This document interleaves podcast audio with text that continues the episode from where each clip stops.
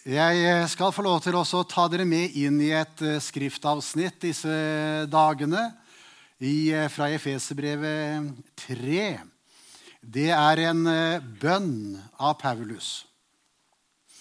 Eh, kan hende en av de sterkeste bønnene vi finner i Bibelen. Eh, noen som rangerer den eh, nest etter Jesu ypperste prestlige bønn.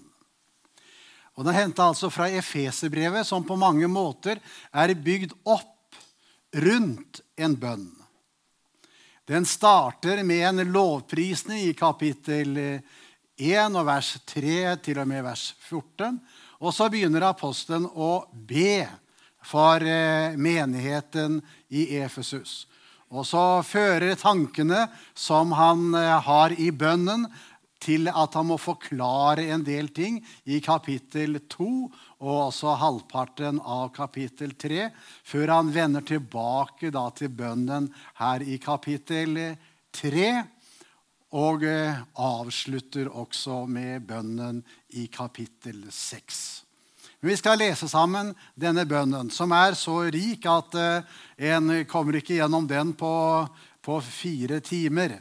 Det prøver jeg heller ikke på men vil konsentrere meg om disse fire dimensjonene som apostelen her tar til orde for i dette kapitlet. Men vi leser sammen den eh, bønnen av eh, Paulus fra kapittel 3 eh, og vers 14 og ut kapittelet.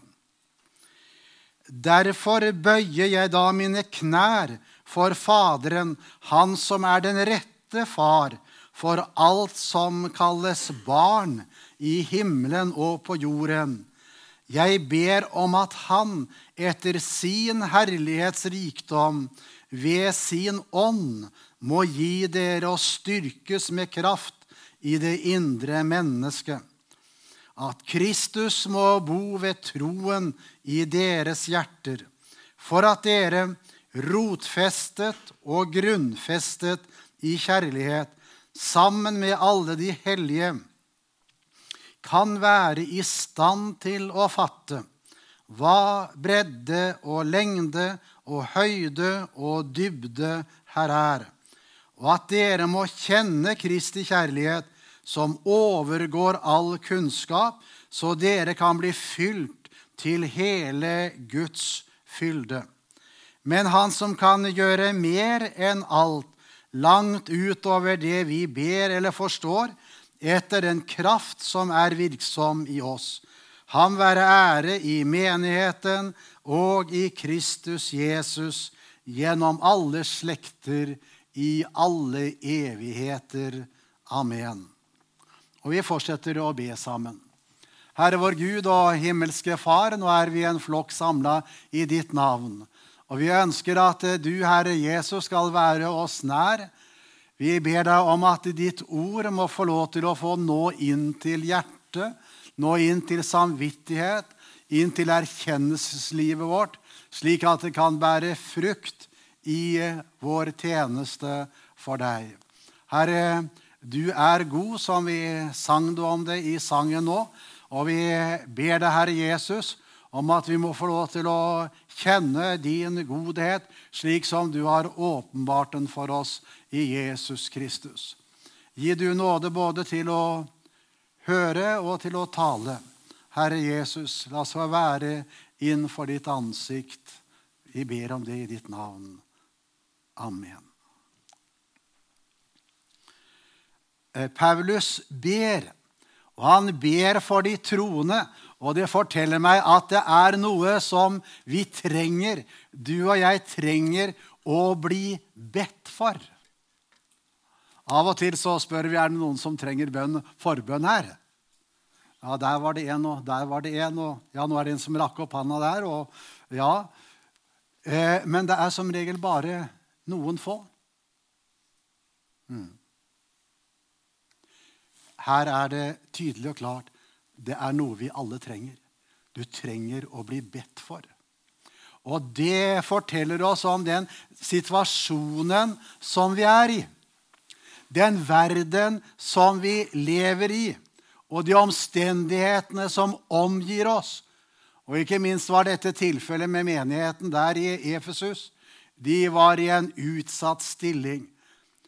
Og så er det at apostelen som nå er fange i, i Rom, da han skriver dette, faller han på sine knær, sier han, og ber for menigheten. Han eh, ber på sine knær. Da jeg var eh, ungdom og framover, så var det den mest naturlige måten å be til Gud på. Det var at vi falt på våre knær og ropte til himmelens Gud. Nå er det visst ikke så vanlig lenger, men det kan hende at vi kunne trenge å gå tilbake til dette som Paulus her understreker. Jeg bøyer mine knær for Faderen, han som er den rette far, for alt som kalles barn i himmelen og på jorden. Han altså ikke, vil ikke at de skal være i tvil om hvem han ber til. Hvem han retter sine ønsker og sine hjertenød til. Det er av og til i dag at en kan tale om eller høre på taler, og så vet du nesten sagt ikke hvem de snakker om. Apostelen er presis. Det er Han som er herlighetens Gud. Det er Jesu Kristi Fader som han retter denne bønnen til. Og det gir en ekstra kraft og fører oss inn for Guds ansikt på en ganske spesiell måte. Når Skriften omtaler og taler om Gud som vår Herre Jesu Kristi Far, er det ikke for at vi skal ha en analogi til vår jordiske far. Så at vår jordiske far skal fortelle oss noe om vår himmelske far. Nei, saken er stikk motsatt. Det er det vår himmelske far som er selve det opprinnelige, det, det gudsbildet som, som, eh, han vil at skal, vi skal forstå allting ut ifra. Han er den rette far.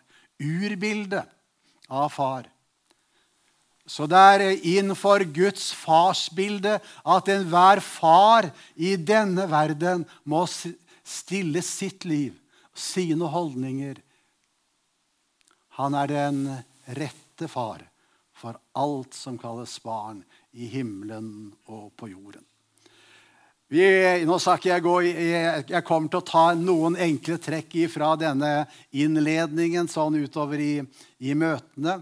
Men eh, vil jeg hoppe litt videre og så se hva han ber om. Han ber om at de må forstå, altså i det 18. verset her som vi har som, nesten sagt som utgangspunkt.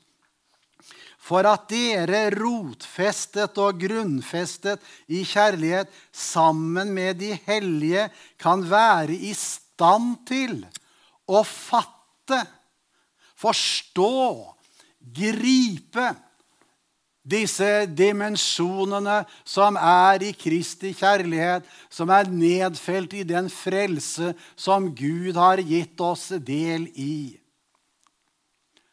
Å forstå det.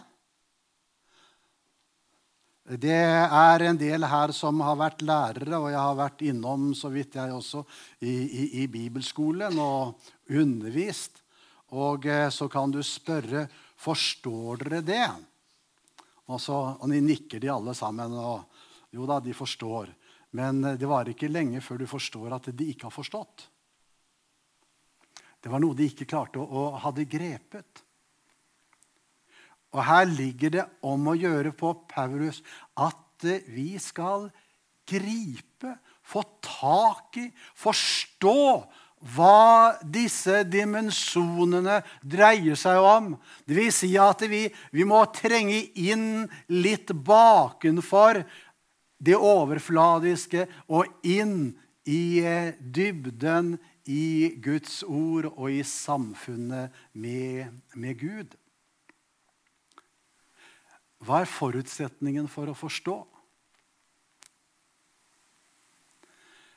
Den grunnleggende forutsetningen for å forstå, det er at du er blitt født på ny. Det vil si at du har kommet i et levende, bevisst samfunn med Jesus Kristus. Guds ord sier det tydelig og klart at eh, det naturlige mennesket det tar ikke imot det som hører Guds ånd til.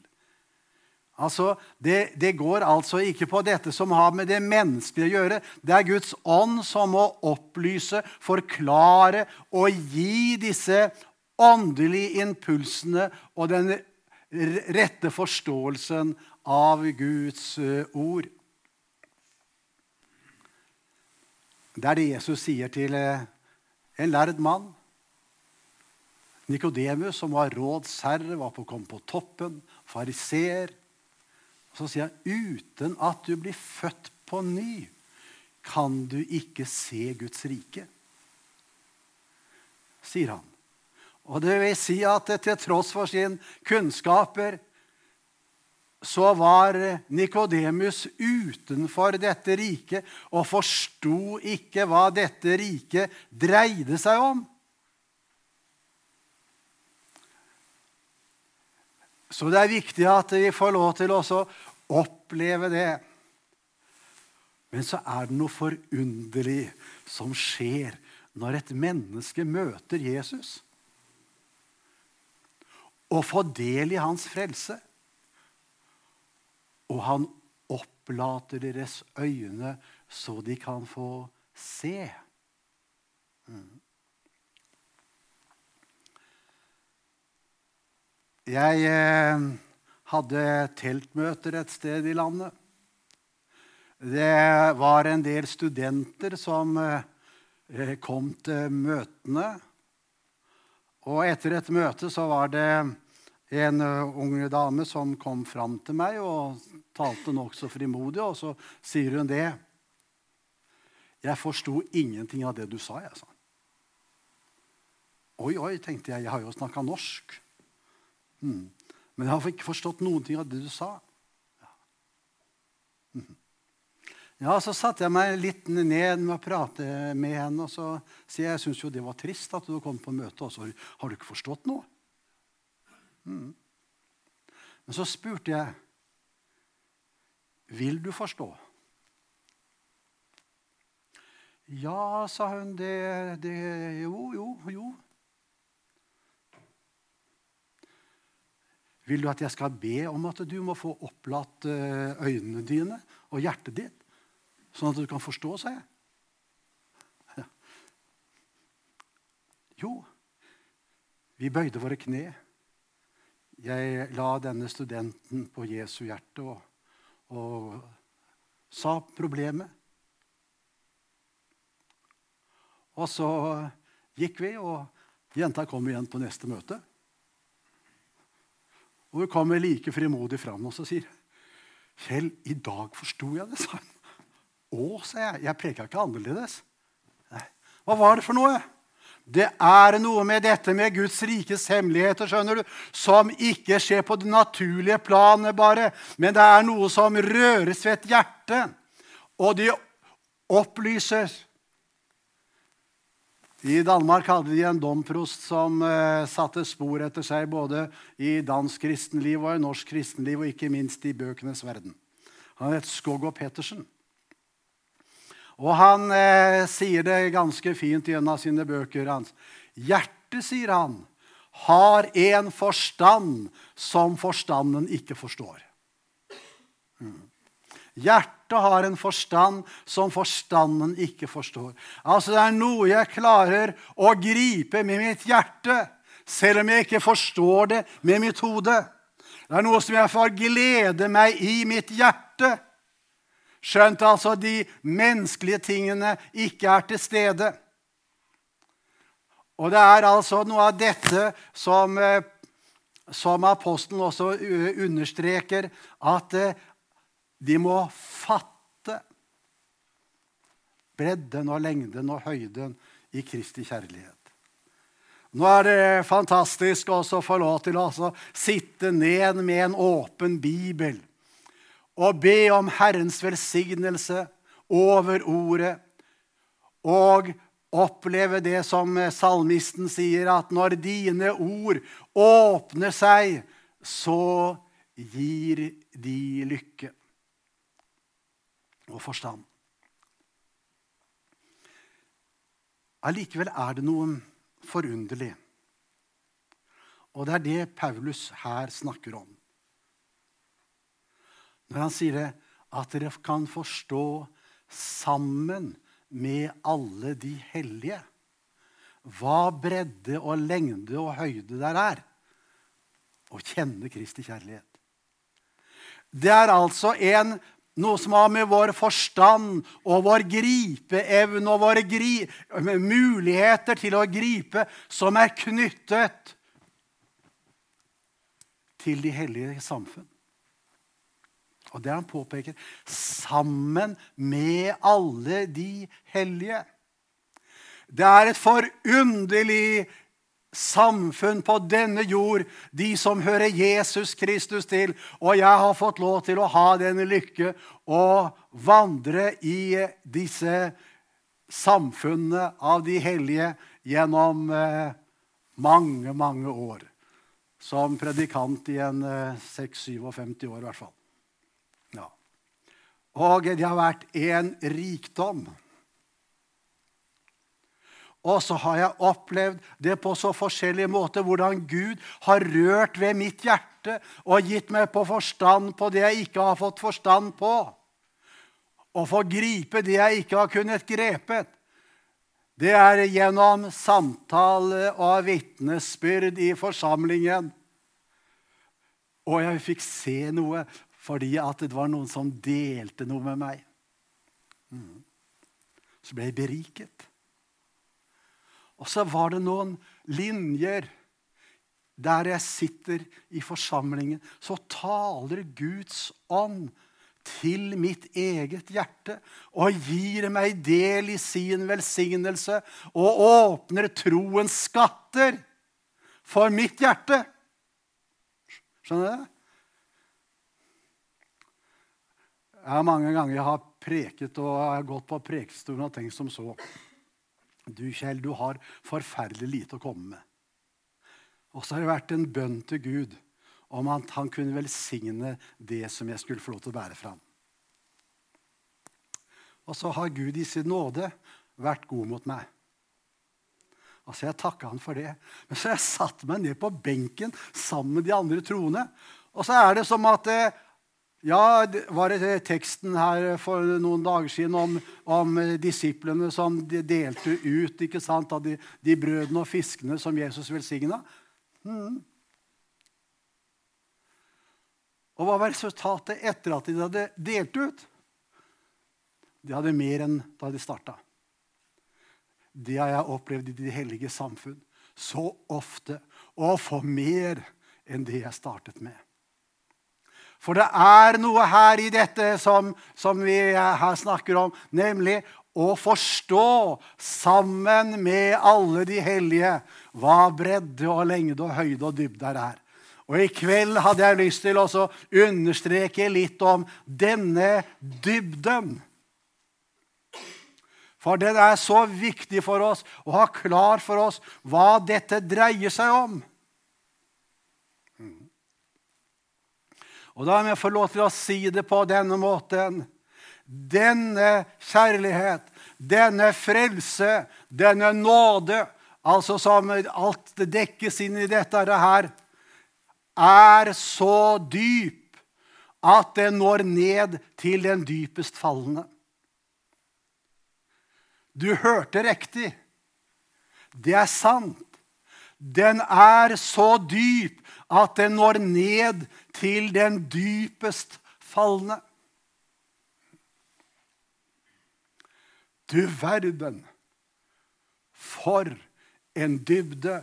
Du verden for en frelse. Du verden for en nåde.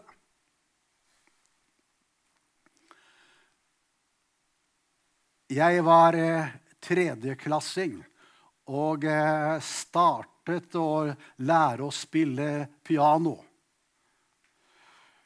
Det gikk ikke så greit, men eh, litt lærte jeg. Og, og, min mor hun hadde ikke så mye greie på dette, her, så bare jeg spilte på piano, så var hun eh, fornøyd. Om det var leksene jeg spilte på, eller noe annet, det brøy hun seg om. Men en dag så kom hun med en, en eh, note til meg. Og den var skrevet med gotisk skrift på oversida, eller på, som heading. Og der sto det 'Guds kjærlighet'. Mm. Og jeg husker jeg eh, begynte å prøve å spille, og så begynte jeg å lese litt på disse forunderlige versene. Tre vers var det som sto i den der. Og der leser jeg blant annet Om alle hav med blekk var fylte, var himmelens hvelv av pergament, og var en penn hvert strå på jorden, hver mann med skrivekunsten kjent, og skildre rett Guds kjærlighet vil tømme alle av. Og himmelens hvelv, fra bryn til bryn, ei plass til Skriften gav. Vet du hva jeg tenkte da jeg leste dette der? Han derre der, som har skrevet denne sangen der, han er en mester i overdrivelsens kunst. Ja, det tenkte jeg. Du verden, tenk å, å klare å finne på noe sånt. Ja. Nå har jeg levd mange år med Jesus og fått lov til å stått i Guds rikes arbeid. Nå sier jeg ikke at han er en overdriver. Nå sier jeg han er realist. Han er realist. Han tar det på ordet. Og så har jeg fått lov til å sett litt av det. Og så har jeg, det meste av det har jeg ikke sett, men som jeg strekker meg ut etter å se. For jeg vet om de dybder som han har åpenbart for oss i ordet sitt. Den er så dyp at den når ned til den dypest falne. Det var bare én som kunne gå så dypt. Det var han som var den øverste i himmelen. Som hadde englenes tilbedelse. Som ble båret fram av lovsangens jubel. Den høyeste i himmelen. Bare han kunne stige ned til det dypeste av det dype. Ingen har faret ned fra himmelen uten menneskesønnen. Og han er det som steg ned i våre dyp, til det dypeste, til den hesligste, til den største synder. Den er så ufattelig rik.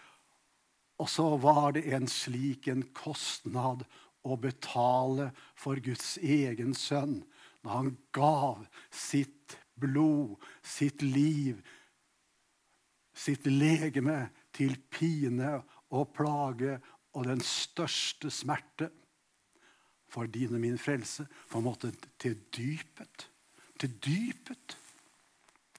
Og Det er det salmisten sier når han sier det sånn. Så sank du i vår jammer ned, så dypt som ingen vet.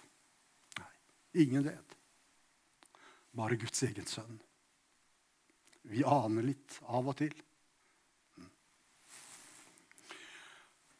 Og så er det mange dyp som menneskene befinner seg i. Det er det.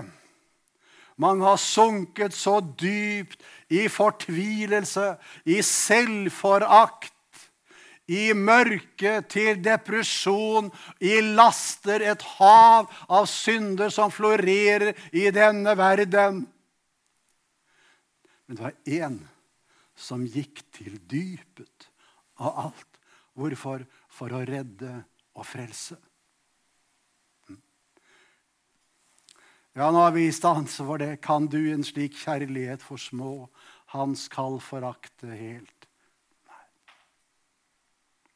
Ja, sier du. Dette her vet jeg. Mm. Har du hørt det før? Har du? Ja, dette her er elementært, sier du. Mm. Ja, gjør du det? Jeg er ikke sikker på om du gjør det. For her brenner det folk. Her er det spørsmål om du kjenner denne kjærlighetsdyp, slik at du kjenner den, erkjenner den, og det går opp i ditt hjerte, og du vet hva det dreier seg om.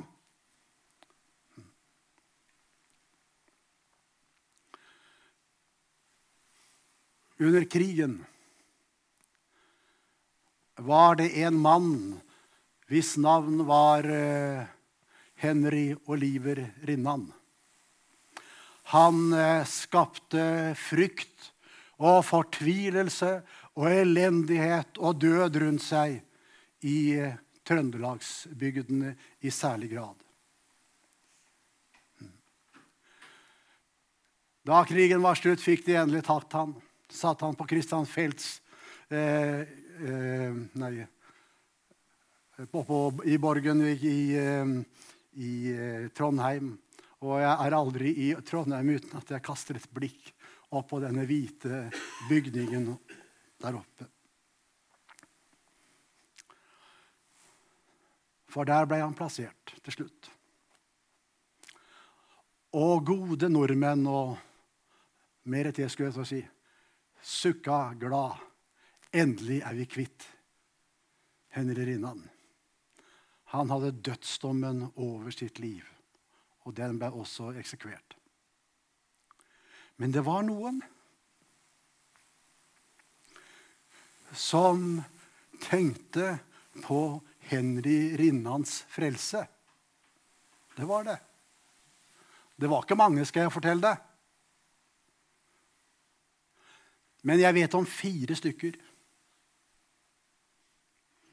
som tok med seg bibelboka og gikk og snakket med Henry Rinnan på dødscella. En av dem skal jeg ta fram her. Det var en som heter Oskar eh, ja, Jørgensen. Han var kjøpmann, eller agent, eh, agentur, i, i, i Trondheim. Hørte til brødremenigheten i byen. Han følte det at han måtte opp og snakke med en Rinnan og tok med seg Bibelen. Og så forteller han jeg leste for Henry Rinnan, og det var som å lese til veggen. Mm. Men det ene besøket ble til flere besøk. Det var andre som var og snakket med han også. det er en, en annen sak. Men han forteller. Men så var det en dag at han da stilte seg, kom fram på talerstolen i Brødremenighetens sal i Trondheim. Og så sier han, 'I dag fikk jeg bøye kne' og rope om nåde sammen med Henry Rinnan. Mm -hmm.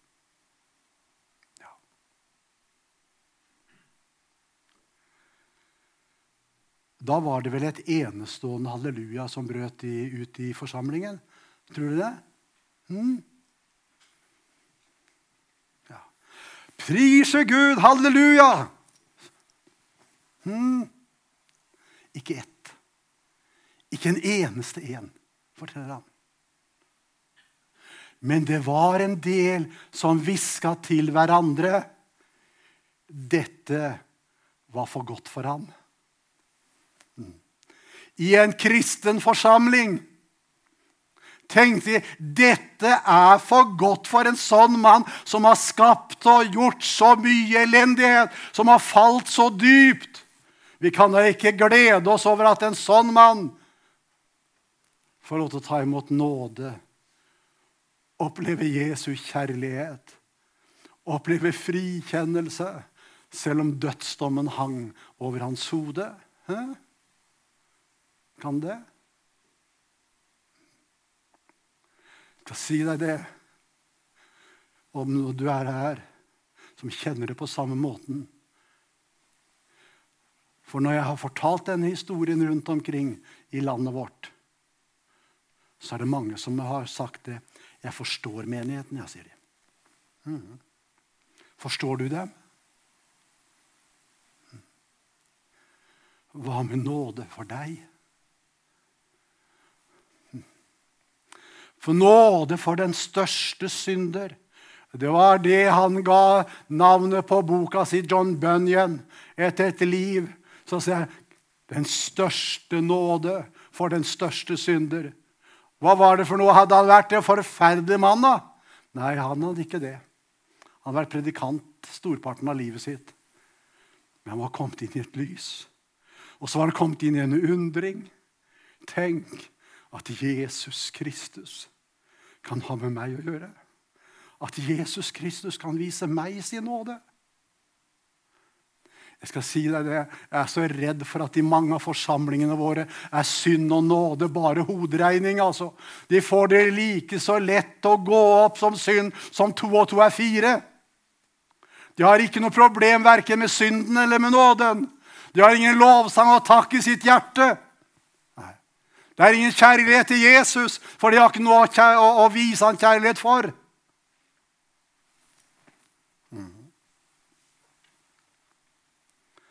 Alt er hoderegning. Noe du vet, og som ikke er erfaring. Og det er dette apostelen taler om. Å forstå, erkjenne, gripe denne dybden i Kristi kjærlighet. Jeg har hatt en nåde, og jeg vil si det er en nåde, og fått vokst opp i et eh, kristent hjem. Og eh, Gått på søndagsskole og yngreslag og opp igjennom. Og var vel sånn tåre Gud fryktig og from. Og begynte tidlig å delta i det kristne arbeidet. Jeg visste jeg var en synder. Det gjorde jeg. Det hadde jeg hørt, og det trodde jeg. Hmm. Så ble jeg kalt til predikant, til og med. For jeg visste jo veldig godt uh, disse tingene. Fikk synd og nåde til å gå opp. Og jeg opplevde også at mennesket ga seg over til Gud. Men så var det Gud på sin forunderlige måte førte meg til et sted. Det var en sånn flott forsamling at jeg kunne gitt dem blankofullmakt i himmelen, hele gjengen, når jeg skulle, når jeg skulle tatt det ut fra det jeg så. Ja, De var med i lovsang og i, i, i sangen og satt og hørte så fint. Men plutselig så skjer det noe. Guds hellige ånd kommer nær. Mennesket blir avslørt. Og jeg, unge gutten, blir sittende og høre på så mange livshistorier og mange synder.